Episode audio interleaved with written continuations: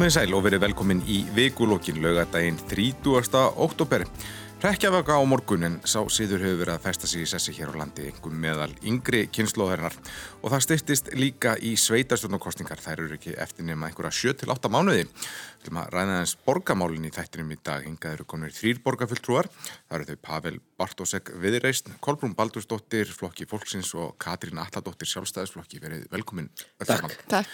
Uh, mér langar að byrja á skipulagsmálunum og þau hafa verið mikið til umræðið på síkastið og svolítið misvísandi upplýsingar sem þar koma fram eftir því hver er með orði. Þannig að samtöku eðinaðarins og Sæðlabankastjóri gaggrind Reykjavíkuborg engum og að þetta sé að keira upp húsnæðisverð og verðbólgu á hinbóin segja aðrir þar á meðal borgastjóri og uh, að það sé nú loða frambóð vandin sé sá að verktaka sé ekki að byggja því að bankatin vil líki lána en Pavel, já, hvernig, horfir, já, hvernig er staðan? Ég, staðan er alltaf svo, ég held að sé ekki um það deilt að undanfarinni þrjú-fjóru ár hafa verið algjör meta ári uppbyggingu íbúða í Reykjavík mm. við höfum verið að fá þúsund eða yfir þúsund nýjir íbúður á hverju ári senstu hérna þrjú ár og það stefnir í það ári verði það líka. Ég held að sé tilbúinar 1147 eða 67 íbúðir myndi mig á þessu ári, sakka talningu sem við vorum í dag, þannig að staðan er hérna, þetta er bara staðan mm. að við erum að horfa fram á með þetta ári hérna, uppbyggingar. Það hefur komið fram hérna gaggrinni um það einhvern veginn að lóða frambóða hefur ekki verið nægt, það er rétt að lóður í Reykjavík eru vinsælar og sæljast gerðnan hratt eða það eru bóði. E, við hefum hins vegar bara í gæri kynnt lóða útlunar hérna, áallin til tíu ára sem gert ráð fyrir hérna, yfir þúsund lóðum á ári næstu tíu ár og hvernig þær munu skiptast hérna, yfir það tímabil og hvar þær munu koma niður þannig að ég held að hérna, staðan sé bara góð. Mm, en er það, er það nóg? Er það, mun þetta duga til til þess að við, við náum þessum punkti milli frambóðs? Já, það mun duga til. Það hefur hérna, áallun hefur sko meða við það að þyrsti þúsund íbúður á ári í Reykjavík mm. og í þessum tölum erum við þá í raun að leggja til íbúði fyrir þúsund lóð, eh, lóði fyrir þúsund íbúður ári bara af hálfu eh, sko ofinberra lóða, þess að lóða í eigu Reykjavíkuborgar og ofar þá náttúrulega bætast við lóðir sem eru í hérna uh, á vegum engaðila. Þannig já, hérna, þetta er talað sem hefur verið að tala um 23.000 íbúður á Íslanda ári, hlutið Reykjavíkur í þeirri tölum er verið um 1000 og hérna áallunin, það hefur verið að gerast undanferðan ára, þessi tala hefur nást og mun næst næstu tíu árum allavega hvað frambóði okkar hálfu varðar mm. um, og hérna svo ég bara kannski haldi áfram í 2-3 sekundir viðbótt þá er þannig að nú þegar eru hérna, skipulaðar hérna, lóður fyrir 3000 íbúðir sem hægt er að byrja að byggja bara með því að skilja einn teknikum þannig að hérna, og, og mikið mikið í bíbúnum til dæmis ártushöfðin það sem, sem munu koma einhver hérna, 4000 íbúðir bara í fyrsta, fyrstu tveimur áfugum mm. þannig að ég held að þurfu ekki að hafa ágjörð þessu mm. Hvað séð þú Katrín, er þetta allt í lukkuna velstandi? Uh, ég held vel hljóttum að sjá að það er eitthvað skakt í þessu því að eftirspyrnin er mjög mikil og ég veit ekki hvað ég hört margar sögur af fólki sem er eitthvað bjóði íbúðir og býður jápil 5 miljónir yfir en fær samt ekki íbúðina þegar eitthvað býður enn herra. Þannig að það er alveg augljóslega eitthvað skakt í þessu og svo þarf líka að huga því þú veist það er rosalega þjætting í gangi og ég tek alveg fram að ég stið þjættingubegðar og það er uh, betra fyrir hverfa sér fleira fólk og meiri uh, veist, aðstæð til að hafa alls konar þjónustu eða það er fleiri fólk sem býðar en svo oft eru innviðnir ekki að fylgja uppbyggingunni, bara alveg svo að borgarstjóri sagði fyrst koma innviðnir svo kemur þjættingin en þú veist Íbúri laugadal til dæmis þekkja það að núna er verið að tala um að þar sé uh, mesta uppbyggingin í gangi en þar hefur íþröta aðstæð fyrir íbúi hverfuna algjörlega setja á hakanum bara frá því að ég ólst upp í þessu hverju því ég var lítil og það er sama aðstöðar núna og lítið eru gert. Já. og í hverfin eru yfir held ég 20 færinlega kennslistofur við skólana. Mm -hmm. og ég stið það alveg að séu nýttar færinlega kennslistofur þegar það er, eru toppar í hverfum. En þegar þær eru orðnar að bara innviðum þá er alveg ljóst að aðrir innviðir skólana eru ekki að anna þessum fjölda skiluru en svo í langkvöldskóla veit ég að matsalurinn eru þrý eða fjórsetin og sama mitt með þessa íþjóðaðastu og annað þannig að það er alveg einhver skekkja og það verður að fara að gera eitthvað meira í þessu og ég til dæmis er mjög hlindi að verði eh, byggt meira í úlvásadalum þar sem að innviðin er annað meira fólki heldur en er það núna og lítið bara mjög vel út sko mm. Þannig að ég held að það þurfa að gera allavega eitthvað drastist í þessu að þetta er mjög skakt. Mm. Kolbrún, hvernig, hvernig voru þetta við þér? Við í flokki fólksins viljum náttúrulega bara allir hafi þakka yfir höfuðið og það er bara einfallega ekki að gerast. Mm. En það er mjög sérkennlegt að hlusta á þessu umræði. Það er svona misvísandi skilabóð eins og þú varst að segja og svolítið bendir hver á annan þannig en mér finnst staðrindin vera bara alveg skýr, það vantar húsnæði, það er skortur og það er einmitt barist um hverja íbúð sem er í sölu og þá vinna þeir sem eiga mesta peningin en, en hinn er verða eftir. Það var svo tíð mann ég að fólk hatt fengið lóð og, og byggt svona lítil félög eða fólk tók sér saman eða einstaklingar þannig að fjölbreytnin var mikil, nú vantar sérbíli og, og, og rathús og og þó svo að við í flokki fólksins viljum við þetta hlúa þeim sem minna mega sín og það er kannski ekki fólki sem vil byggja einbilshús, þá er til dæmis bara eldri borgaramarki sem vilja minga vissi og er að fara úr stórum einbilum og vilja fara kannski aðeins minna þess að fara í, í litlu minnstu íbúðunar þannig að þetta er bara mikil, það er mjög skortur, ég vil bara byggja að þessi byggt og, og lóðir veittar hvar sem hægt er að gera mm. það og það er einmitt Úlfarsdalurinn og, og söður hlýjar Úlfarsársdal, það er Kjalanis, getur verið þar, þar sem eru innviðir komnir, þannig að það má vika bara út þessi svæði. Ég veit ekki okkur er svona mikið stífleiki í þessu og ég stið að sjálfsögðu þéttingastefnuna en það eru takmörk mm. og það er dýrt að byggja á þessum þéttingareitum. En, en, en ég er bara losum að það verður losað um þessa spennu og ekki haldi svona fast utanum þetta, ég hef kallað þetta spennitrei, ég held með sér að Pavel sé sammála mér að það með líka þessu við spennitrei allan það um daginn.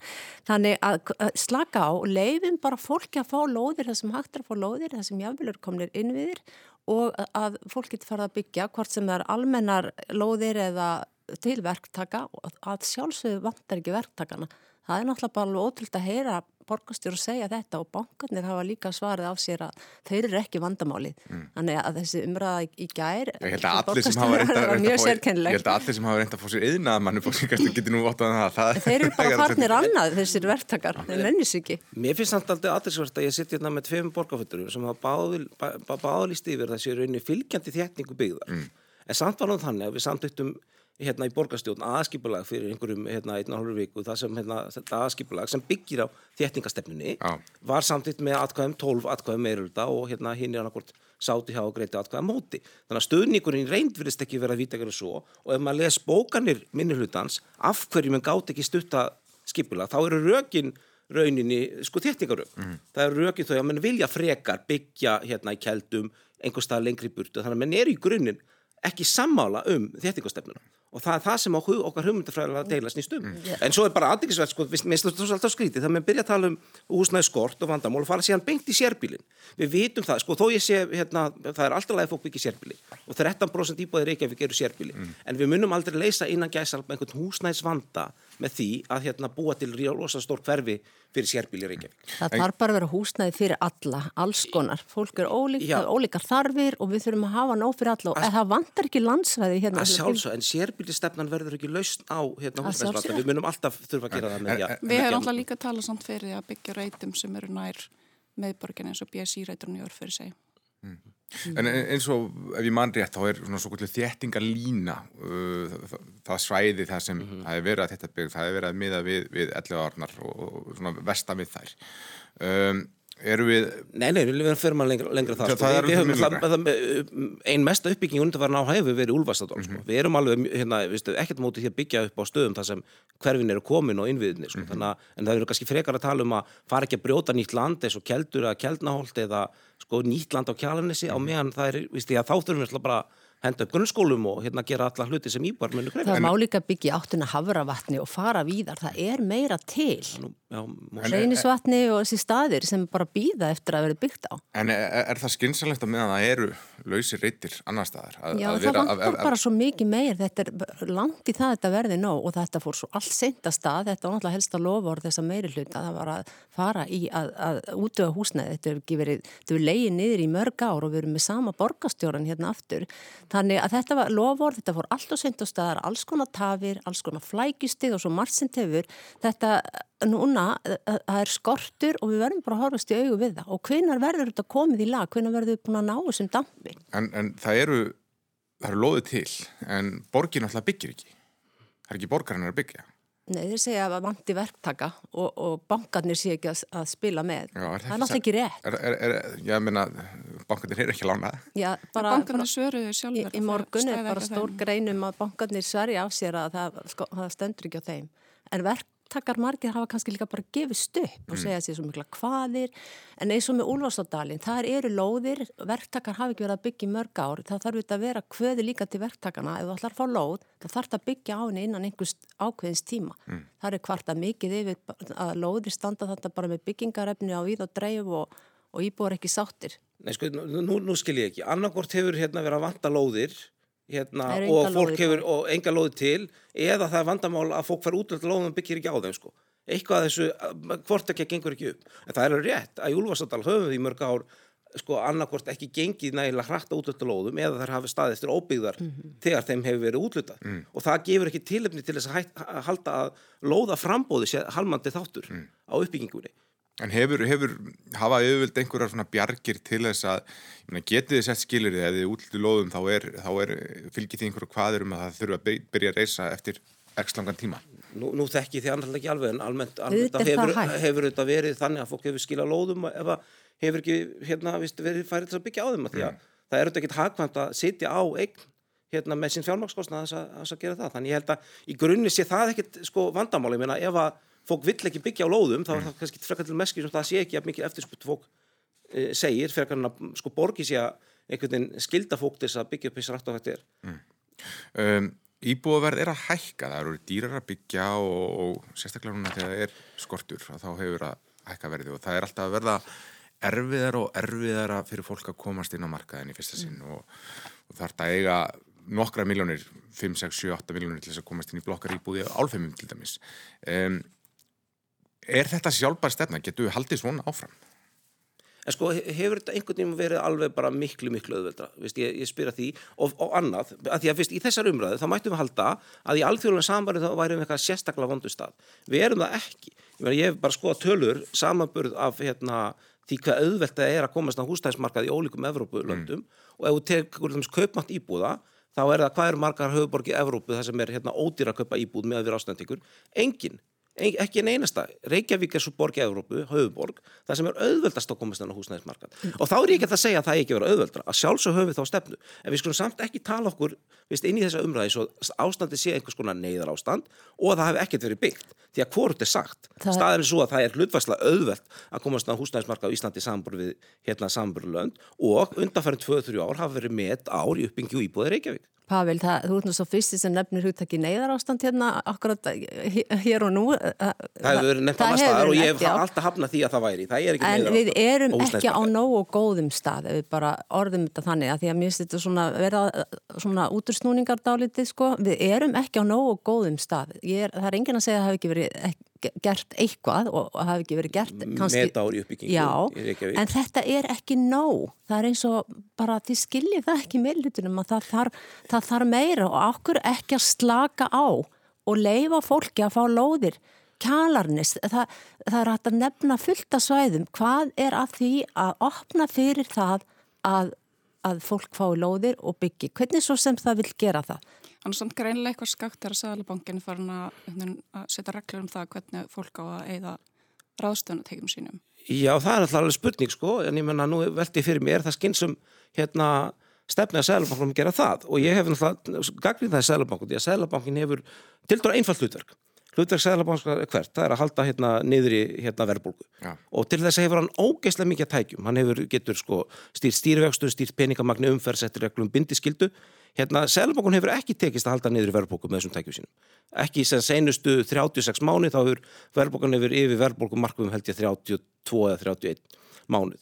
Selabokun hefur gripið til þess að segja Reykjavíkuborg eða sveitafjölum á Íslandi séum að kenna með sínu hérna húsnæðisverði og gripið síðan þessar aðgerða sem, hérna, sem, sem Katrín nefnir. En ég spyr mér af hverju hefur Selabokun skert þetta að setja sérstakar reglum um hver mikið fólk má eða í íbúsina frekar en að grípa bara til almenna aðgerði og hækka vexti meira mm. sem hefði verið eðlilegra og ég, mér finnst Sælabanki þessar stöðu verið að koma inn í svona eins og þannig einhvern veginn er en að ég, ég, ég veit ekki, einhvern veginn eh, spinna einhver rauk fyrir, fyrir, fyrir málfinningu sínum sko, mm. því að hérna, mér finnst miklu eðlega aðgerð ef að minn hafa ágjör af verðbólgu að hækka einfallega vexti heldur að hækka vexti heldur að setja þessa reglu sem hann gerir. Mm. Er, tekur þú undir þetta, Katrín? Ertu, ertu gaggrinn á þessa stefnu? Ég, mér finnst bara augljóst að það er eitthvað mjög skakt á húsnæðismarkaði þegar að einhver aðili eins og sælbankina fann að grípa inn í með þessum hætti mm. og líka bara eins og ég nefndi áðan allar þessar sögur sem við heyrum á fólki sem bara getur ekki keft sér íbúið þegar það er ekki hægt að keppa við allan enn fjölda sem verður að keppast um sömu íbúðunar sko. Þú veist að mér finnst Pavel svolítið neita fyrir að sé eitthvað mjög undarlegt ástand í gangi og við sjáum bara þvílegu uppbygginguna í hveragerði. Ég þekki bara fullt af fólki sem hefur flutti hveragerði svo aðgat vinnu í Reykjavík og borgarlín er ekki farið að retta því fólki. Nei, nei, nei. Já, það er bara takmarka frambóð og við erum að horfa stöðu við það. Mjög seglabanki vera bara að reyna að senda svolítið meirhutunum í borginni ákveðin skilabóð og ég takka honum sérstaklega fyrir það en það hefur hann bara mikið traust held í flestra já, stór, stór sluta af land, landsmunum. Þannig að ég held að við bara hlusta hvað hann er að segja. Það fara að brjóta nýtt land undir byggð og hann er búin að segja það ítrekkað og okkur gera það þá í staðis að fara í einhverja varnarstöðu og segja að og þetta, það hefur aldrei verið eins mikið byggt. Það er ekkert svar við því að það vantar meira. Það Jú, vantar frambóð, meira frambóð og lón. Gorm, það er svar við því að sko ég held að við séum í grunn ekkert ósum það að lausnin á húsnæðismarkaði við því að ef að markmið er lækka verð hlýtur alltaf að vera svo að byggja meira. Meira frambóð mun alltaf vera það sem hérna, viðst, allt, allt hitt er bara einhver leikur sko og hvernig hefur okkar stefna gengið? Hún hefur bara gengið það vel að undarfærin 2-3 á hafa verið meta ári uppbyggingu þannig ef menn eru með hugmyndur um að setja að gera þetta kannið hraðar þá hefur það ekki verið reyndin að í forðum tíð þegar menn hérna reynda að byggja mikið með þeir brjóta nýtt land þá hefur það gengið eindalega betur mm. vegna þess, segjum að við ákvæðum að taka 2-3 ný hverfi undir hérna nýja bygg þá þurfum við alltaf að byggja skóla þessu stað nýj skóli kostar alltaf 2-3 miljardar þannig við gerum það ekki glatt nema ákvæða það á eindag okkur að því að byggja upp þar. En einhver myndur kannski segja að þetta verður dæmi bara um það að þarna hafi bara markaðurinn bara markaðsöflum brúðist og verkalýsfóristan ræðis í við talaðum það að þetta það hefði bara klikkað og þarna þurfum við bara hefur ofinbyrja stíga inn í bara með félagslegu húsnæðiskerfi og því líku að það komi bara að, að húsnæði veri bara skilgreint sem bara eitthvað sem við eigum rétt á og eigum rétt á að fá þakkir höfuðið og ef markaðurinn getur ekki sjókur fyrir því á, á á skapluðu verði að þá verði að grípa inn í það. Já, ég meina, eitt, eitt flokkur í, hérna, í þingostningum, sóstæðarflokkurinn laði nú upp með það að hérna, ríkiðætturinn verða mjög stór þaktakandi á hérna á húsnæðismarkað með bara ríki myndi byggja sko eitthvað tíu þúsund íbúr. Ég, ég er ekki sammáli. Við vorum með verkanarbústæðkerfi sem marki sjá eftir. Ég er, ég er hérna, sammála því að húsnæði er auðvitað hérna, grunn þörf en ég er ekki sammála því að leiðin þess að leysa úr því sem er rístastórum ofnbjörnum yngrippum. Við höfum hins var hérna, haft stefni í þessu meirur að útluta cirka 25% af lóðum borgarinnar til hérna í óhagnadriðin verkefnin til þess að hérna svona bjóða þeim, því fólki sem kannski getur ekki komið með EIF að eignast úsnæði að fá þakk fyrir höfum einhverjum hætti mm. en grunnurinn verður að mínum að þetta er alltaf hérna það að byggja upp húsnæðimarkasvarsöndum og ég kalla eftir því að einhver síni mér sko land það sem sko gríðarlega stór ofinbjörn umsvega húsnæðismarkaði hafa verið hérna lausnin og það sem það hefur gengið betur heldur í þeim löndum að sem markas öflug hafingir á. Við verðum að fara að byggja utan þéttingasveð og sko það er engin á móti því að þetta, auðvitað vissu við vel að það var víða plást til að byggja meira í mörg hverfi bara gömul og orðin lúin og má endur nýja það. Það er engin beinleins á móti því en þetta komið þetta kom, nei, þetta ég, ég er á móti þessara öfgastefnu. Hvernig bara heilu hverfin og hús þetta er verða eins og í síldartunnu það er verið að byggja háhísi, það er verið að taka all bílastæði burti, það er allstar þrengingar og það er verið að stapla fólki eins mörg og hægt er eins lítinn blett og hægt er. Núna er þetta komið gott og jável gott betur, nú þurfum við að fara út fyrir þettingasæðin en það er líka bara langt dýrast að byggja í þettingasæðin. En það er mjög dýrt að byggja það sem ekki verið byggt áður bara. Já, en það eru innviðir, sjáðu Úlfarsáldal, sjáðu Kjallanessi, það eru komnir innviðir, það má alveg vika út þessi svæði og losa þannum og svo er þetta bara að brjóta nýtt land og, og þá koma innvið, það er að deiluskipilegja innviðina auðvitað samhliða en það er fólk sem er tilbúið til að fara í þetta, bæði einstaklingar, verktakar félög, þetta, það er bara beðið eftir að komast í þetta. En, en þið í flokki fólksins þið hafi verið málsvarar uh, fátakra, öryrkja þeir, þeir eiga enga möguleika Nei, en eru er, er þeir að fara að ráðast í að reysa einbíli úr aðhús? Nei, en þeir, það þarf auðvitað að vera hafkvæmt húsnæði Já. og það er auðvitað verktakar og bjarg og aðri sem koma inn í. Akkur er þetta til dæmis svona takmarkað? Mm. Má ekki vika þetta út líka? Það hefur reyndar, margir sem býður til félagslega húsnæði, sá listi hefur reyndar mingað og það er gott og ég hef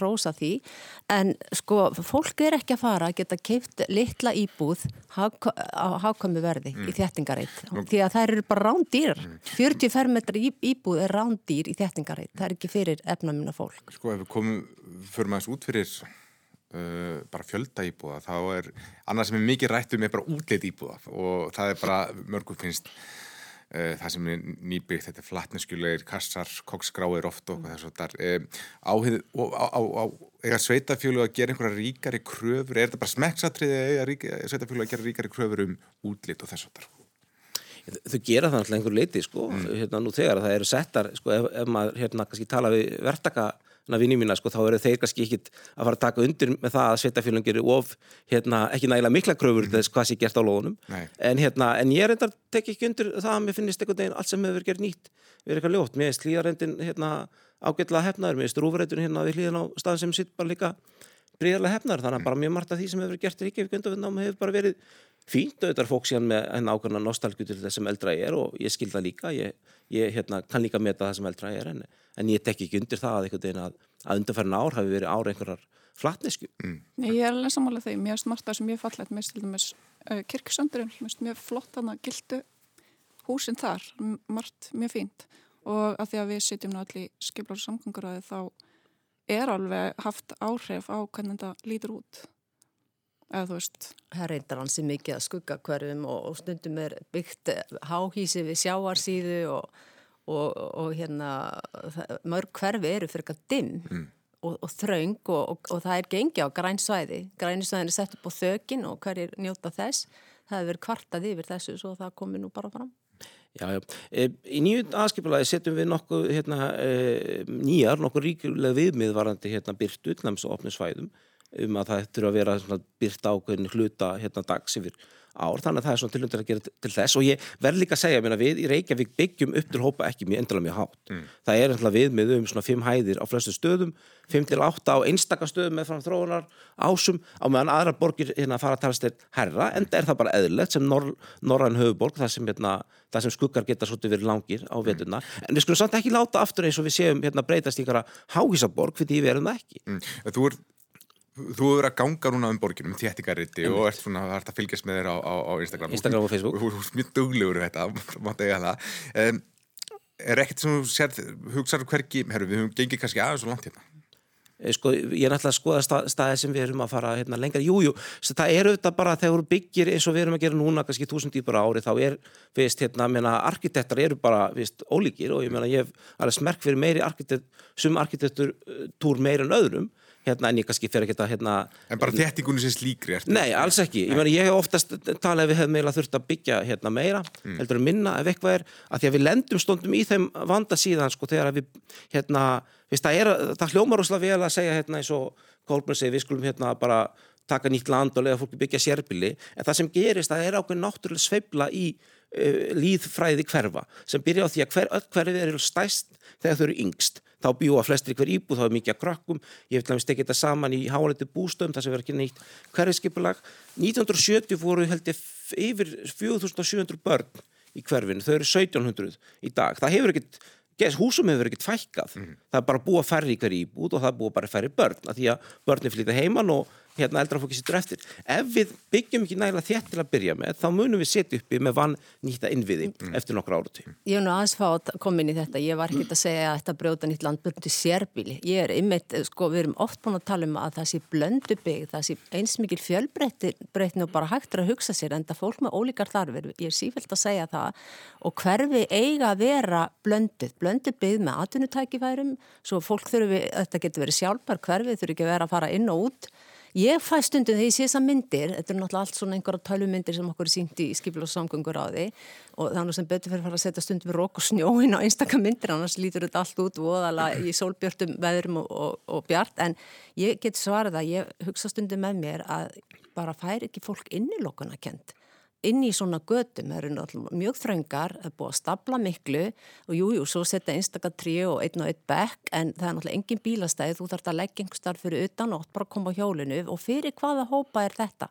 Þetta er ekki fyrir kannski fatla fólk eða fólk sem aðrið með reyfi getur að, að hjóla, við vitum hvernig það er, en þú þarfst að komast inn og út úr hverfi og ég hef áhyggjur af umferðarmálum, bara eins og í bústæð og háaleitis það sem er verið núna að kynna fyrstu hugmyndir, fólk þarf að geta komist inn út úr hverfi hverfið af því það er heldur ekki aðdunumöguleikar í öllum hverfum og enn eru að sjá þessa umferð svakalega núna eftir COVID, hún har aldrei verið eins mikil, ég nú fatt á uppalinn Reykjavík og bæði búið í Vesturbænum og, og, og Breiðholti Þannig að ég veit hvernig umferðin er og þetta eru einstaka flöskuhálsar sem eru svo rosalegir og, og, og snjálfstýringadæmið með ljósinn hrigaleg. Sko, ja, en, en, en er þá svarið mynd að dreifa byðinni þannig að ítir það ekki ennþá? Þú getur ekki endalust þétt og það er núna komið alveg ágætt hvað, hvað búar þetta, þetta er komið nóg. við þurfum að fara að vika upp borgin og svo kemur nú borgarlín, er það ekki? Þú, en hún er ekki hvað, fyrir næstu þrjú-fjögur ár fyrst áfangi? en, hérna, en menn, þú getur ekki endalust þétt, það er að ég er saman á því. en við getum ennþá þétt. Við höfum ennþá bara, við höfum ennþá hérna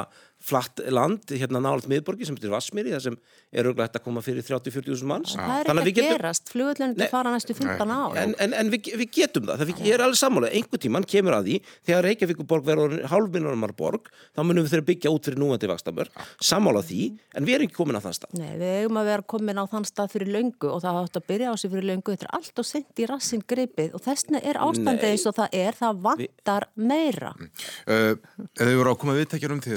á vikulokking. Gesti mínir eru Pavel Bartósek, Kolbjörn Baldúrsdóttir og Katrín Alladóttir. Katrín, uh, leikskólamálinn. Það tekur lengri tíma að koma bönnum inn á leikskóla í Reykjavík heldur nákvæmlega sveitafélagum. Já. Uh, hvað leggir þið til í sjálfstæðarflokki?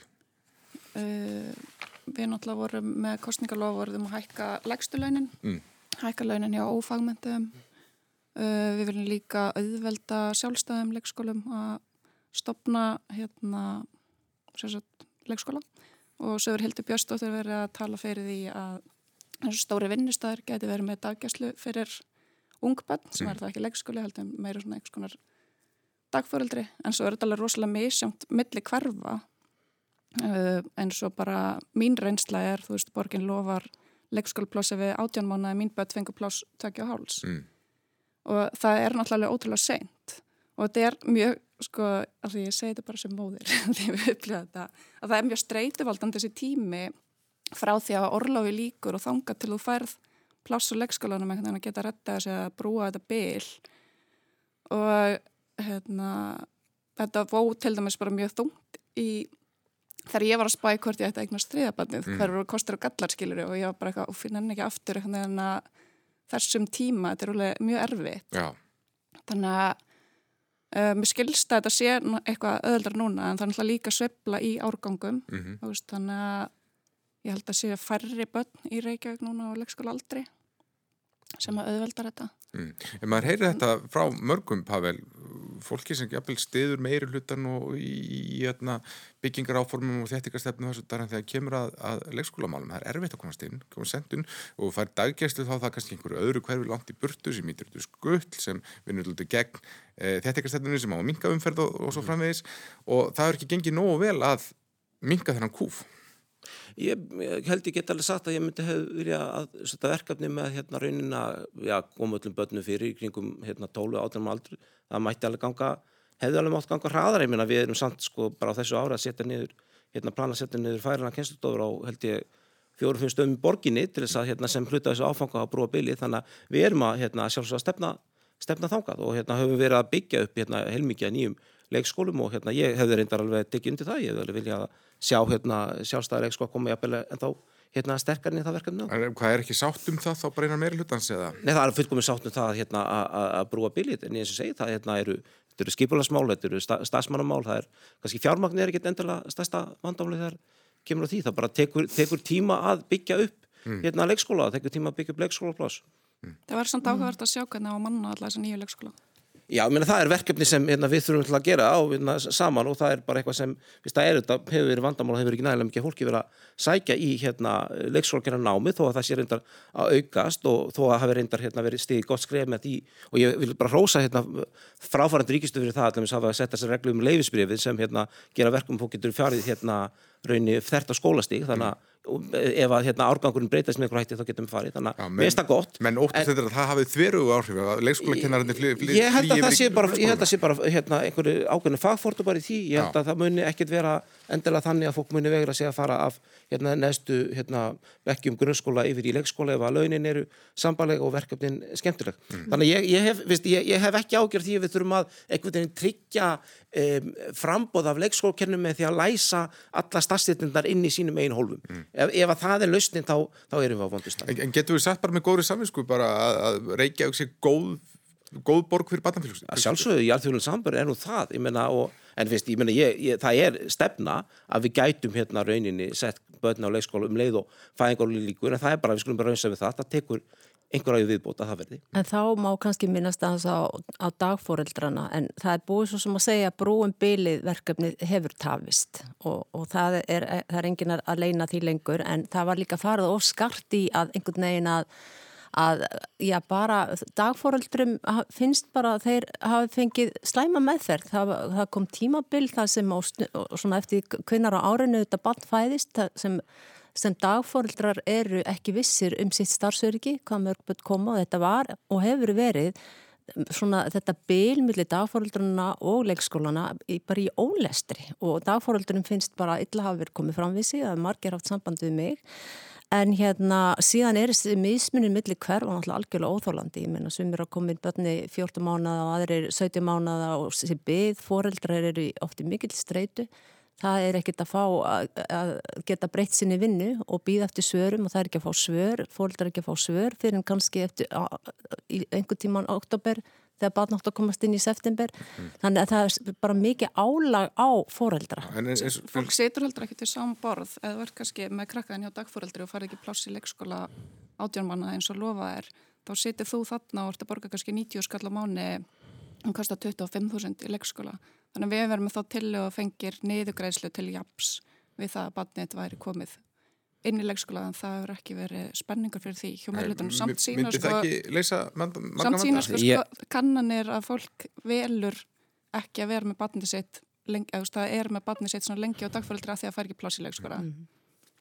Ég sko, við reyndar, nú játaði það, ég satt í skólfísindaráði hérna í upphafi kjörtíðanbils, hérna, hef ekki gert það senstu 2-3 ár, þannig ég kannski alveg hérna, já, vel inn í þeim málum og ég var þá, en mm. í upphafi kjörtíðanbils þá hækkum við samt hérna greiðslu dagfældra töluvert og vorum eins að aðgjörðla auðvitað þeir, þeirra störf eins og dæmis að vera með neyð, buðum på neyðarnapp sem þetta getur þá hérna, verið tengt við til þess að auka hérna, ákveður öryggi en sko hugmyndir um það að dagfórundar fáir nákvæmlega sömu upphæð og hérna sko leikskóla maður hugsar ekki, ekki nákvæmlega sömu upphæð því að það er langt umfram sko heldur það fóreldra var að greiða sama Svolítið öðru er að fala að gröfur auðvitað að gerða til leikskóla og, og dagfórundar mm. En þetta er ekki, þú veist, fólk er ekki með krakkan sinni í á dagfóröldur svona lengi út af vali heldur Nei, mér er út af því að það, það vil koma vatnins í leikskóla en, en, en þetta, er líka, þetta er ekki endilega bara pláskortu þetta er líka mönnavandi Já, manneklan og þá kannski komum við að stýttingu vinnuvikunar sem að þetta, fólk er spennt fyrir og er frábært en, en því verkefni mátt ekki fylgja einn einasta korona þannig að ég, ég veit að, að fólk sem vinnur á leikskólum það er undir miklu álægi og það, því er alltaf að hlaupa hraðar núna Þess, þetta mátt ekki kosta neitt en allir vilja þetta auðvitað. Þannig að manneklan er auðvitað mikið til komin vegna þess bæðuru launin lág og síðan er gríðalegt álaga á þessu fólki. Ég veit nú bara að rósa þeim sem starfa á leikskólanum. Ég, því ég veit að krakkar eru almennt sem mjög ánæðir á leikskóla. Þetta er náttúrulega bara frábært og það, hvernig bara umönun og, og lærdom þau fá þar Þannig að ég hefði viljað sjá betur gert við, við leikskólakennan og starfsfólk og bæði að bara að leta álægi og að þarna hefði átt að fylgja fjármagn með stýttingu vinnuvíkun. Um stýttingu vinnuvíkun er alltaf sami í kjærasemningum og hérna, og viðst, fjármagn alltaf bara fylgir sem hérna partur af því. Þannig að það er nú ekki alveg hægt að það mátti ekki fylgja þessu verkefni en einasta króna það er margsinnis búið að skrifa það frá meirlutanum mm. uh, Mér langar að ræða þessum atvinnumálunni uh, er Reykjavíkuborg eftir svona að vera staður fyrir fyrirtæki til dæmis ef þú varir að stoppa nýtt fyrirtæki myndi maður uh, hefði þá Reykjavík forskot fram yfir nákvæmlega svitafélög? Það held ég ekki. Náttúrulega fastegnskatnar og atvinnuhúsina er í herralagi hér mm. en það hafa líka mikið af stórum fyrirtækjum flutt Já. Úr borginni og í nákvæmlega sveitafélagin þannig að þar náttúrulega setjum við kannski ekki alveg samband. Svo eru það umferðamálinn? Já sko, hérna, það er gaman að með nefni fastegnskatt og atvinnuhúsina. Vi, við reist vorum með það stefnumál á senins kostningum að hérna, lækka fastegnskattan niður í 1,60 sem hefði aður flokka hafi ekki verið með á þessum tíma Sjálfstæðarflokkuna þarf ekki að lofa að nei, nei, skatta eða bara í stefnunni Hann gerði ekki, þeir lofið öðrum skattalækunum þeir lofið að lækka fastanskatt á hérna, tekju háa eldri borga þeir gáttu lofa því Við vorum ekki með þær áherslu, við vorum ekki þær áherslu að lækka útsvar, við vorum ekki áherslu að lækka fastanskatt á efna fólk, við vorum þær áherslu að lækka fastanskatt á hérna, fyrirtæki. Mm. og við stóðum við það. Og þetta hérna, innan gæslapakk kostar þetta eitthvað, þetta hérna, býr til hérna bil í hérna fjármáli bólkna sem þarf að brúa. En við stóðum við það, við töljum ekki sviðrum fyrir þess að lækka á þessu augnabliks í skattana meira. En ef spyrt þá er það já, það er þannig að hérna langflest fyrirtæki á Íslandi eru staðsett á hérna í, á miðsvæði í Reykjavík hérna svona, rönd sem er kannski frá Granda upp eftir ártusöðanum, þar eru langflestir atvinnstæðir í bænum og Við stað þar að geta að spyrja mig hvort að fólk myndi spyrja eh, hérna, stoppa fyrirtæki í Reykjavík. Fólk er að gera það og bara skoða dreifingu fyrirtæki á landinu, þá eru flest staðsett þar. Mm. Það, það er ákveðin alltaf tegund af, af atvinnu og fyrirtækjum og yðnaði sem Emitt. finnst það kannski ekki alveg eiga heima í Reykjavík lengur. Það eru fyrirtæki sem eru kannski að fara vegna þéttingar, til með sér höfða og þá kannski fara þau til emitt Þorláksatnar eða, eða Akranis eða eitthvað stíkt. Höfuborg mun aldrei sko, keppa um hérna, sko, þunga yðnað mm. eða mjög plásfreka starfsemi, það gerir það hérna, engin, ég meina eins og hérna, ef þú ert að líta til sko, fyrirtækja sem eru kannski gríðara plásfreg þá munu eins og þetta með segjum bara bíralegur eða fyrirtæki sem þurfa mikið land þá munu þau aldrei vera staðsett í hérna miðju á einhverju höfbólsvæði, við erum enda með hérna plásbæði á Kjalarnesi og síðan í Holmseiði sem hægt er að nýta undir þessa stafsemi við ætlum að gera, en það er rétt það er ákveðin tegut stafsemi sem mun ekki þrýfast eh, vel á hérna staði, í staða sem land, verður hátt að því að landa er eftirsótt. Mm. En minni aðlar hafa líka hvert svolítið yfir því að regluverki sé flókið og erfitt mm. og hafa lendið því að þurfa að gera breytingar á sínu húsnaði og tekir húst, óra tíma að fá all tilskilin leifi. Og, og það er allt eitthvað sem snýrt á vantalega að... Það er svona veitingarekstur og annars slikt skilur og þú þarf að færa eitthvað vaskum 90 gráður og þá það, tekur það marga vikur af því að það er komað alls konar útöttur aðlar og gefa henni ymsu leifi í fyrsta veitingastöðum sem að hafa verið algjörlega tilbúinir búin að ráða starfsfólk en svo kemur þú veist einhver eftirleits aðlið bara einsin í viku eða mm. eitthvað og kemst ekki þennan dag þannig að þú veist að býða í viku viðbútt þetta er svona alls konar svona flóki og þetta við um bara svo alls konar bara umsóknakerfið og ferlið og flækustíð ég menna ef við förum bara aftur í húsnæðismálinn þetta er bara, þetta er það sem mjög margir kvarta yfir ef þú þart að fá eitthvað frá borginni einhver, einhver leiði margir ferlar eru flóknir og erfiðir og taka langan tíma. Og ég er ekki dósamál því að þessi viðfangsefn að reyna hérna, að laga þetta og rafaði okkur stjórnsýslu. Það? Við erum alltaf að setja gríðalegt fjármagn í það að bæta hérna, umhverfið rafðarnar stjórnsýslu Reykjavík og reyndar hefur, hefur það gæst sem er svolítið jákvægt í kringu COVID mm. það hafa með stundum neyðstina gæstalappa til að fara hérna að gera jákvæða hluti sem er svona positíft eins og ég veit að að heilbríseftilötið er byrjað að fara í svona rafrænar heimsóknir þar sem að fólk feiki bara æbarnum sko á staðnum og svo er eftirlitsmaður líka á sínum stað sko og það er náttúrulega auðveldar allt. Þannig að ég er svolítið svona bjart sitt að við getum svolítið haldið dampið með þetta þegar fram í sækir. Og svo er þetta eins og hefur bara komið fram og hefur verið gaggrínt kannski á einhvern öðrum fósendum en að við erum að setja greiðilegt fjármagn í það að, hérna, að rafaði stöðsíslan í Reykjavík. Mm. En það hefur heist þessi gaggrín til dæmis við hafa eftirlitsi aðalum uh, uh, að Þetta sé ekki nú um þjónustustofnarnir, til dæmis bara skatturum breytir sér fyrir nokkrum árum. Breyting skattins var alveg til fyrir. Já, og þarf ekki að ráðast eitthvað slíkt líka innan til dæmis bara borgar? Jú, það er það sem við erum nákvæmlega að gera. Mm. Við erum nákvæmlega, hérna, við erum með nýja þjónustustefnu og við erum að setja mikið fjármagn í það að hérna, breyta verkverðlum og hérna, búa okkar sjósið undir það að vera rauninni nútímaleg. Mm. Þannig að, stíu, svo vinna er bara í fullum kongi. Mm og hérna ég bara er hérna, sko, gríðara spenntur að geta að fara að kynna hérna, fyrst, þetta sem nefndi mér afræðinar hérna, heimsóttir og hérna, heilbrísvötra og fleiri skref sem við getum vonandi hérna, kynnt, nú er komið nýri vefur í gang þar sem fólk getur vonandi afgriðt sér sjálft sem mest er jafnvel með flokna hluti eins og byggingaleifi og svo leiðis. Þetta hefur tekið gríðarlegan tíma, ég- Pavel, ég- og, myndi- og það bólar valla á nokkur jú, jú, lausnum. það hérna en, en við erum alltaf að setja fjármagn í það og það er bara þetta hluti sem kosta og þau verður gagnýtt en Já, það fjármagn sem er eyða- líka farið illa með og Nei, nei, það er nei, bara þarf- efni í það sér þátt. það, það er bara, rafræn sjóstísla er ekki ógjús heldur En, það, það er mitt svo gaggrinni sem hefur komið á þá. Hvað finnst þér? Já, ég, við, sko þessar lausnir eru til, ég meina við getum eins og þú varst að nefna skattin, vinnumálastofni, ég get nefnt ótal stór fyrirtæki sem eru búin að hafa þetta í mörg ár, Reykjavík náttúrulega uh, sko bara fór ótrúlega sentastað, fekk gríðalegt fjármagn, 10 miljardar núna á þreymur árum, er búin að vera að dunda sér við að gera einhverja tilröndastar sem í einhverjum teimum á því sem til er allt um kring og í staðis að, að kaupa sér í kerfi, fara inn í stafrana Ísland, nota þar lausnir sem til eru og það er búið að fara svo illa með fjármagn borgarbúa þarna, það er alveg átakanlegt ef að fólk bara nennir að rýna í þetta. Og síðan sér maður valla nokkuð koma út úr þessu, jú, það er aðeins að byrja að koma núna, minnst, minnst er á mínar síður, þá bólar ekkert á þeim meðan að stafran Ísland er með 240 mínar síður, okkur var ekki hægt að hafa samvinnu með þeim. Og svona mætti lengi telja, þetta er eiginlega bara stór alvarlegt mál, fyrst mér. 10 miljardar, hvernig er Sko búið við erum að alveg þennja gríðan ána þetta með að svið? sé verið að fara í þessu stáran umbreytingu. Það er alveg löngu komin þörf á það og ég held sér fullt af atriðum sem er svona low-hanging fruit svo ættu að vera auðvelt að skipta yfir í einhvers konar rafrænar umsóknir. Þess að við hefum helst verið að gaggrina var þessi ráðning á 60-70 manns í einhvers konar hugbúnaðadelt með hennu ymsa fólki. Ég veit að svari er alltaf að það er ekki verið að fara að ráða 60 forritra. Það veit það allir sem að starfa í hugbúnaðgerð að það er ekki bara forritrar að vinna í hugbúnaðarhúsum.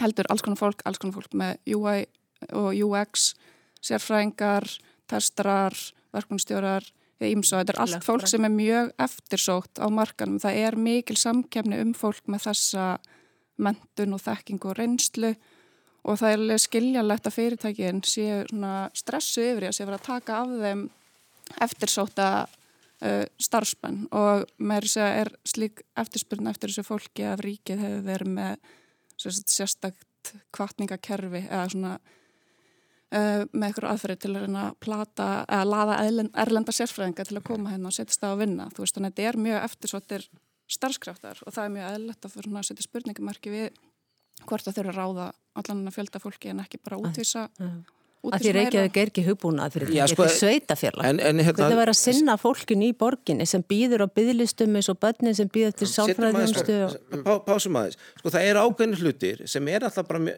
veist, öll sem, sem unnið í ykkur hugbargerða af þjónustum, vitum dæmis að þú ætti að breyta verkverðlum þegar þú ætlar að sko taka ennbætti eins og byggingafullur, skipularsfullur, umhverfs og skipularsfið sem er gríðarlega menning, þá er bara þannig að það er, sko þetta er verkefni sem þú gerir ekki bara með ytri ráðgjum þú verður að hafa fólk að staðnum til að vinna að þessari beitingu með starfsfólkinu. Ég hef unni með sko stafrænum leitum inn á hérna, umhverfs og skipularsfiði þar sem þau eru staðsett og það er bara algjör ómyndalegt að hafa þetta fyrirkomla, þannig ég get ekki tekið undir það að væri einhvern veginn hægt að hafa þetta allt saman e, verktaka, það er bara ekki raunhæft Nei, ég er alveg sammála því að máli ráða eitthvað fólk í þetta verkefni en það er máli að skoða hvort það þurfa að vera þessi 60-70 manna deilt, þá mætti það kannski bara útskýra betur fyrir fólki. Það er náttúrulega innvista grunnþjónustunni, útvista það má, alltaf, það má alltaf velta fyrir sér fjöldanum sko, en, en hvernig þetta hefur ekki, gert er eiginlega bara tölum ekki eins um lögfræðinga. Meina, við erum ekki að tala um að við þurfum einhvern veginn að láða sko, útvist allir lögfræði þjónustu, við erum sammála um ákveðin vinna sem er vita verið unnin er hagvæmt að gera á staðnum og mm. það er nákvæmlega það sem við erum að gera og en þetta er tímamundar ráðningar. En það er borgin ekki að tala um að ráða 60-70 lögfræðinga. Nei, þeir eru samt að nokkri hjá Reykjavík og Borg. Já, það er ekki að tala um, það er náttúrulega fólk að við höfum að gera hjá borginu nú þegar. Já, það er að tala við núna á þetta svið. Já, ég, eins og segi, ég held að þessi vinna verði á endanum dæmt af því hvernig hefur tekist en ekki af þessum, þessari umræðum. Um, við nokkar að fara aðeins yfir í lofslagsmálin, að lofslagsástöðunin í Glasgow, COP26, hún hefst á morgun þar sem ríki heims allar er að koma sér saman um áframhaldandi aðgerir í lofslagsmálum en það eru auðvitað ekki bara ríki sem geta beitt sér í þessu málaflokki, sveitafélag og sérstaklega borgir hafa ríku hlutverki að gegna. Hvað, hvað hefur Reykjavík borg gert og hvað getur hún gert til þess að axla uh, sitt hlutverki í þessu? Já, sko, kannski einhver ég, Já, ég, ég vil náttúrulega bara byrja kannski að horfa á samgöngur og alminns samgöngur auðvitað að gera þær vistunar og, og orkuskipti. Það hefur, ég held að við ekki staðið okkur verð en margar aðra borgir en svo áttu náttúrulega gæja að vera stóri draumurinn og mm. það er náttúrulega bara eins og við öll veitum hvernig fór fyrir því að nú er að hætta urða og að fara að flytja út sorpið og það finnst nú mörgum sitt hvað um það en auðvitað má urða allt sem rótnar uh, ég veit ekki hvort að fara að flytja það líka út, plast er auðvitað alltaf vandamálið. Og þetta lífran er ekki vandamálið en uh, ég, ég held að sko ég veit að ekki þetta, ég held sorpa hafi bara, mörg, mörgum finnst þeirra líta yfir þann feril, það hafi bara tekist mjög illa, þetta áttu alls ekki að vera svona, þannig að Sumið sér þessu vakstaverki, bara byrjunar. Já, gæja verði náttúrulega aldrei það sem að tala var um að hún myndi vera. Svo erum við ekkert að nýta þetta metan, því er bara brent á, á söfnunastæði eins og engins í morgundagurinn og, og strætóf eru mest megnast að fara yfir í, í rammaksvagnana. Þannig Akureyri til þess að stansi vel með metanbílana en okkur ekki við hérna í Reykjavík með allt þetta metan sem við erum bara að sóa eða verðum að gera því að annars væri það náttúrulega brútið í andrúsloftið. Mm. En, en ég, ég veit ekki, auðvitað þessi ráðstefna, ég veit ekki hvað margir að fara frá borginni, ég var náttúrulega bara að hugsa um að við myndum bara að reyna að taka þátt í gegnum fjárfund og, og streymi og allt þetta og gera svolítið eins og bara greita okkar hérna Túnberg og ekkert að vera að fljúa öll út en kannski er bara að fára að fara ef nokkur en, en auðvitað að taka þátt í þessu og alltaf bara að vera innstilt og, og gera allt sem við getum og, og, og það eru börnin okkar líka sem við þurfum bara að vera góð fyrirmynd fyrir sem að alltaf taka við þessu. Katrín? Já, tek bara undir það sem Kolbjörn var að segja en svo náttúrulega líka mikið losun frá bílaumferð og ég held svona að þessi rafvæðing flótans muni gerast kannski svona organikli með tímanum. Ég meina, ég held að flesti sem eru að spáða að köpa sér nýjan bíl séu meira að horfa til þess að köpa sér rafbíl núna.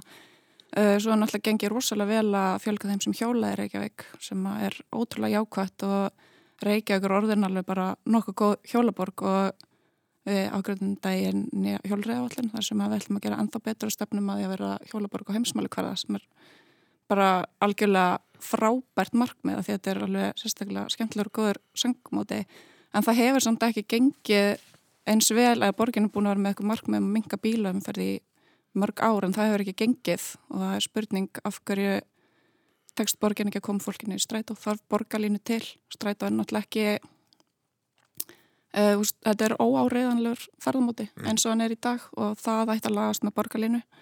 Það sem að það skiptir mestu máli þegar maður notar al almennsengungar að séu áriðanlegur og veitir hvernig hann kemur og þú sért komin á þeim tíma sem það ætlar að vera, skiluru og það er ekki eitthvað að hefnast með strætó. Ég til dæmis vel helst hjólið og líka út þegar ég er að fara eitthvað út því ég veit alltaf hvað ég er lengi. Þú veist, maður festst ekki umferð. Svona... Já, örflæði hefur líka bara eins og... Örflæði er náttúrulega gríðarlega bylting, sko. Þessu bara, ég mitt. Um, Pavel, hvað segir þú? Hvað getur borgin gert?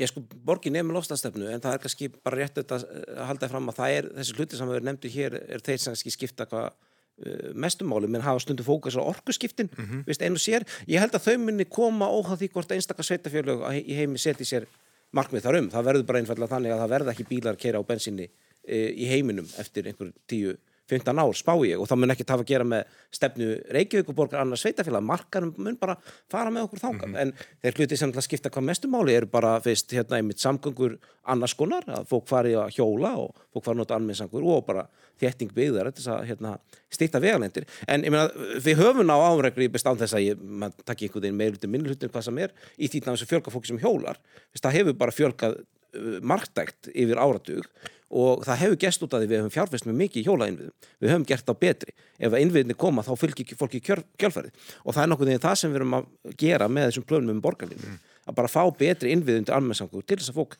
nýti sér En, en við höfum okkur ekki gengið sætt nógu vel að minka bara bílaðanferð Ég sammála því, ég myndi sjálfsög vilja hérna sjá þessar törur hérna lægri. Menna, og ekki einhverju draumar um það verði engin á bíl, ég menna borg eins og köpnöf sem allir einhvern veginn íslendika upplifa sem sko gríðarlega Veist, hérna, græna borg, kannski eitthvað samgöngvara en veist, helmingar alltaf ferða í Kaupnáfi við farin á bíl sko, mm. hérna á hinnu stóra svæði þannig að Kaupnáfi er bílaborg á marga mælingvar en það væri sann svo gríðarlega munur ef að þessi tala væri kannski nær 50% en ekki 80-90% mm. eins og hún er hjá okkur mm. Já, rannsóknir sína að það er ekkert fækkað í, í því og mjög sannlega ekki gera næst verðan þannig að við þurfum bara sem borga aðla okkur að því og, og auðvitað hjálpa líka þeim sem eru efnaminni að komast yfir á á rafbílinn, hann er ennþá það dýr að þetta er ekki fyrir alla fjárfesta í mm. og vera með þá líka ívilnanar og kvartningu þannig að yfir í að hjálpa fólk að komast í hugsa ykkur ef að væri bara allir komnir á rafbíla og þá væri við náttúrulega bara talsett betur sett og bílinn takki plás þá væri hann ekki að menga mm.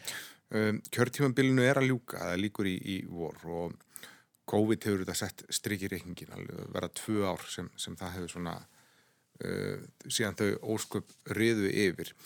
Hvað hefur gengið vel og hvað hefur svona já, þurft að láta undan vegna þessa, Katrín, á kjörtímanbílinu sem er líða? Já, ummitt. Það hefur náttúrulega verið gott ef að fjármálborgarnir hefur verið staðið betur, hefur búið í hæginn fyrir eitthvað svona áfall eins og þetta. Það er náttúrulega við sjáum munin og ríkisjóð og borgisjóð þar þar sem að ríki var búið að greiða neðu skuldir og var sérst, mjög vel í stakk búið að taka móti þessu og borgin svona maður myndir segja að fjárar fjármálennar er alveg áhugjefni það sem að velhaugengi er náttúrulega að úst, í COVID þá fjölgaði fólki til dæmis bara sem að fóra hjóla þannig að ég held að það muni íta til dæmis undir það fleiri hjóli mm. það er búið að byggja fyllt í borginni en kannski ekki nóg eins og við segjum og það hefur alveg svona ymslegt gott gerðskilru og annað slæmt og þetta er náttúrulega búið að vera ótrúlega erfiður tími fyrir marga COVID sko. Sjálfstæðslokkur hefur vantilega prófkjör bara hann að í vor, ætla þú að bjóða þig fram aftur? Ég er ekki búin að ákvæða mig. Nei, gerir það á næstu, næstu mánuðin? Ég lætt vita þegar ég er búin að ákvæða mig, þá munið koma staði hvort ég held áfram eða ekki. Uh, Pavel, hvað segir þú, hvað hefur þú vilja gera betur á kjörtímanbílinu? Ég veit ekki, mér finnst okkur bara að hafa gengið vel. Já. Ég finna að ég bara fer reglaði yfir okkar meira út af sáttmála og mér finnst bara að ganga bara gríla vel að hérna, uppbylla þau hérna, verkefni sem þar eru. Ég menna, með nefna þetta fjármáli, það er þetta bara, hérna, og það var plani okkar greiðinni skuldir þegar vel áræði, það er náttúrulega ekki þannig. Við erum ekki núna, þetta setja eða neitt annað ofnbært batteri að ráðast í á næstu árum að hérna, greiðanir skuldur og draga saman seglin, það er bara engi sem mæli með því mm. að heimsísu, sko. þannig að hérna, það er kannski, hérna, en ég segi ekki það hafi hérna gengið vist ítla hvað það var en ég minna ég gríðal ána með okkar hérna, samgöngu og skiplastefnu hún hefur náttúrulega verið, og umgangstefnu hún hefur náttúrulega verið það sem heldur þessum þetta hópi vel saman mm. og er okkar leiðarjós og hérna og ég held að þegar uppverður staði þá er ég bara gladur og hlaka til að geta hérna kynnt þennan árangur hjósendum og fengið umbótla hérna sinna í starri áfram. Er, er þessi meirhluti orðin er þetta hálfgeitt kostingabandala sem er haldið áfram? Viljið þið vinna áfram saman? Ég myndi ekki segja það þannig, Nei. ég myndi ekki segja að, hérna, að við í viðristum takja einhvern ákvörum að, að bindast hérna, þessu meirlega kostningabandali en ég menna ef við bara horfum á málumnin þá hefur við gengið vel að vinna saman. Og í þeim máli sem við höfum rættið um það mest í dag sem eru skipulans og samgangumálin þá, þá ber miklu meira á milli ef við horfum yfir hérna til hinnaflokkana, þeir bara eru annarkort á móti þéttingu eða vilja gera eitthvað allt annað eða vilja ekki leggja áslá borgarlinu eða, eða eru svona kannski klopnir í ástöðusinni. Þetta er uh, ekki rétt hér alveg Páll. Eh, við höfum, höfum alltaf þann þáttir talað um já, hérna hvað þétting skoða ekki. Þannig að við, við, við getum verið samluð um það við erum ekki fullkomlega samluð. Ég vil bara fókusera á fólkið að fólkinu líði vel í borgin okkar að við mætum þörfum allara eins vel og við getum og, og það er kannski, það, það er, ætti kannski flokku fólksins held samleið með samfélkingunni mm. Og ég hefði þetta vilja sjá samfélgun að koma sterkar inn fyrir bara þjónustu við fólkið að það sé ekki allir þessi bygglistar, það er ég nú kannski verið mest grænjandi yfir á þessu tímanbili en ég hef samþygt fyrir höndflokks fólksins öll góð mál sem koma frá þessu meirlita og bara gerir það með ánægu það sem mér finnst vera vel gert og er mitt til þess að auka þjónustu við fólkið. En það eru bygglistamálinn sem að mér finnst bara svo sorglegt að, að börnin skuli þurfa að byggja og það, það að þeim tykir það leitt að það hefur ekki tekist betur með það það sé eitthvað aðeins að verða að reyna að kroppið það núna en þarna hefði ég vilja sjá samfélguna koma bara mikið mm. sterkar inn sem, stóri flokkur í meirilutanum og ég vilja sjá formen velferðarráðs og skólafrísundaráðs berjast meira fyrir sínu máluflokki ég er reynin að berjast fyrir þessu máluflokki eins og þau ætti að vera að gera Finnst þér, en finnst þér hefur það, hefur náð máli á, á kjörtöfumbilinu, hefur hefur þið tekist að koma einhverju málum á dagskráðu þessu? Ég er mörg mál dagskráð, drópin hólar steinin, mér Já. finnst það er kannski ekki alveg bara allt samþygt þannig, nema einhver örfá kannski innan við tíu mál sem hafa svona verið samþygt en er alls í aldrei í borgastjórn, það er eftir búið að fara svona aðeins í gegnum kerfið og svo kannski breytaði maður eins En, en ég, maður er komast að umræðu og ég held að meðlutin oft í velferðaráði til dæmis skóla frísins ég sammála mér, ég hef talað mikið um skólamálun og læsi og mæta sérþörum barna og svo framvegis þannig að þetta hafa verið góðar umræður, oft tekist á en, en við eigum margt sameigilegt eins og til dæmis með, með samfélkingunni ég, ég, ég held að flokku fólksins og auðvitað sósélasta flokkurinn og samfélkingin eru með mörg sömu mál á stefnusgráðan en samfélkingin í Reykjavík hefur vikið mjög mikið frá sínu þínum grunnmálum. Mm. Maður sér það bara að þú harfa á samfélkingun á þingi, þar ég hefði viljað fá bara það fólk yfir í borgina og ég held að þá hefði fólkið verið svolítið sett bara á orðin og fólki fyrst. Þið sko. Samfélkingarinn miklu hæri sinari heldur en... Heldur en bara því... mjög, algjörlega. Ég hef bara svissa út þeim yfir. Er þetta að, að, að sko sitja hér að þegar vinnum minni og félagi samfélkingunni í meiruldanum er ekki hér sko, en ég menna, þau myndu aldrei taka undir það að hafi verið einhver metnalegs í velferðarmálum og skólamálum, það sem sko bara, bara maður lítur á fjármagnið og vist að verkefst það hafa verið, þá er bara þeirra auðvitað farið. Auðvitað á að fara mikið fjármagn í, í þessa... Kolbrú, þú ætlar að bjóða þig fram aftur í vor?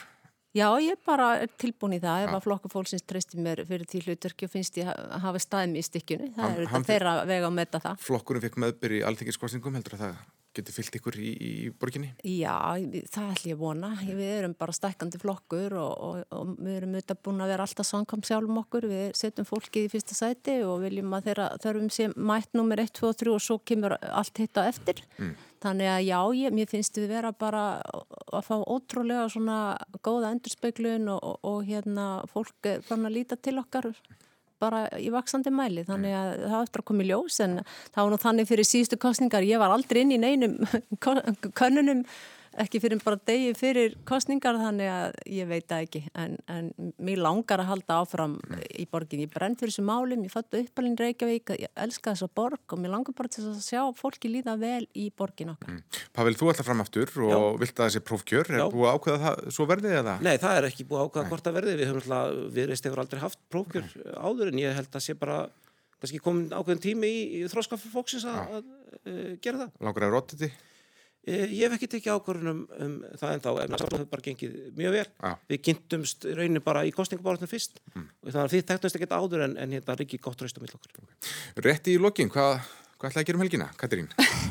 Mér langar líka bara að minna það að við fengum 31% í síðustu kostningum Já. þannig að getur nú allt gerst í vor, ég held að það verði gett spennandi sko en um helgina ég ætla að skella mér upp í tindfjöll í einu nótt Já Er það að ganga þar eða hjóla? Eða ég... Já, ég, ég ætlaði bara að fara að ganga og hafa notalegt í Ísalp skálanum sem mm. er hann eftir, ótrúlega flottur og skáli, ótrúlega fallett svæði. Ég veit ekki eins og hvort það sé hjólaðastæðar. Það er þetta hjóla neður bilvegin, sko.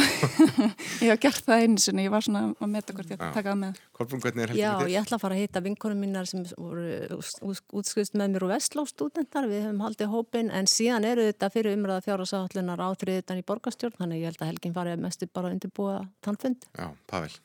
Ég ætla að kíkja á körpaldum með, með stráknum mínum og hérna svo náttúrulega bara halda hrekkjafökuðu hátila eins og hérna, allir góðir allt gott fólk. Nákvæmlega. Kæra þekki fyrir komuna, Pavel Bartósek, Kolbrún Baldursdóttir og Katrín Allardóttir. Hafaðu gott um helgina, verið sæl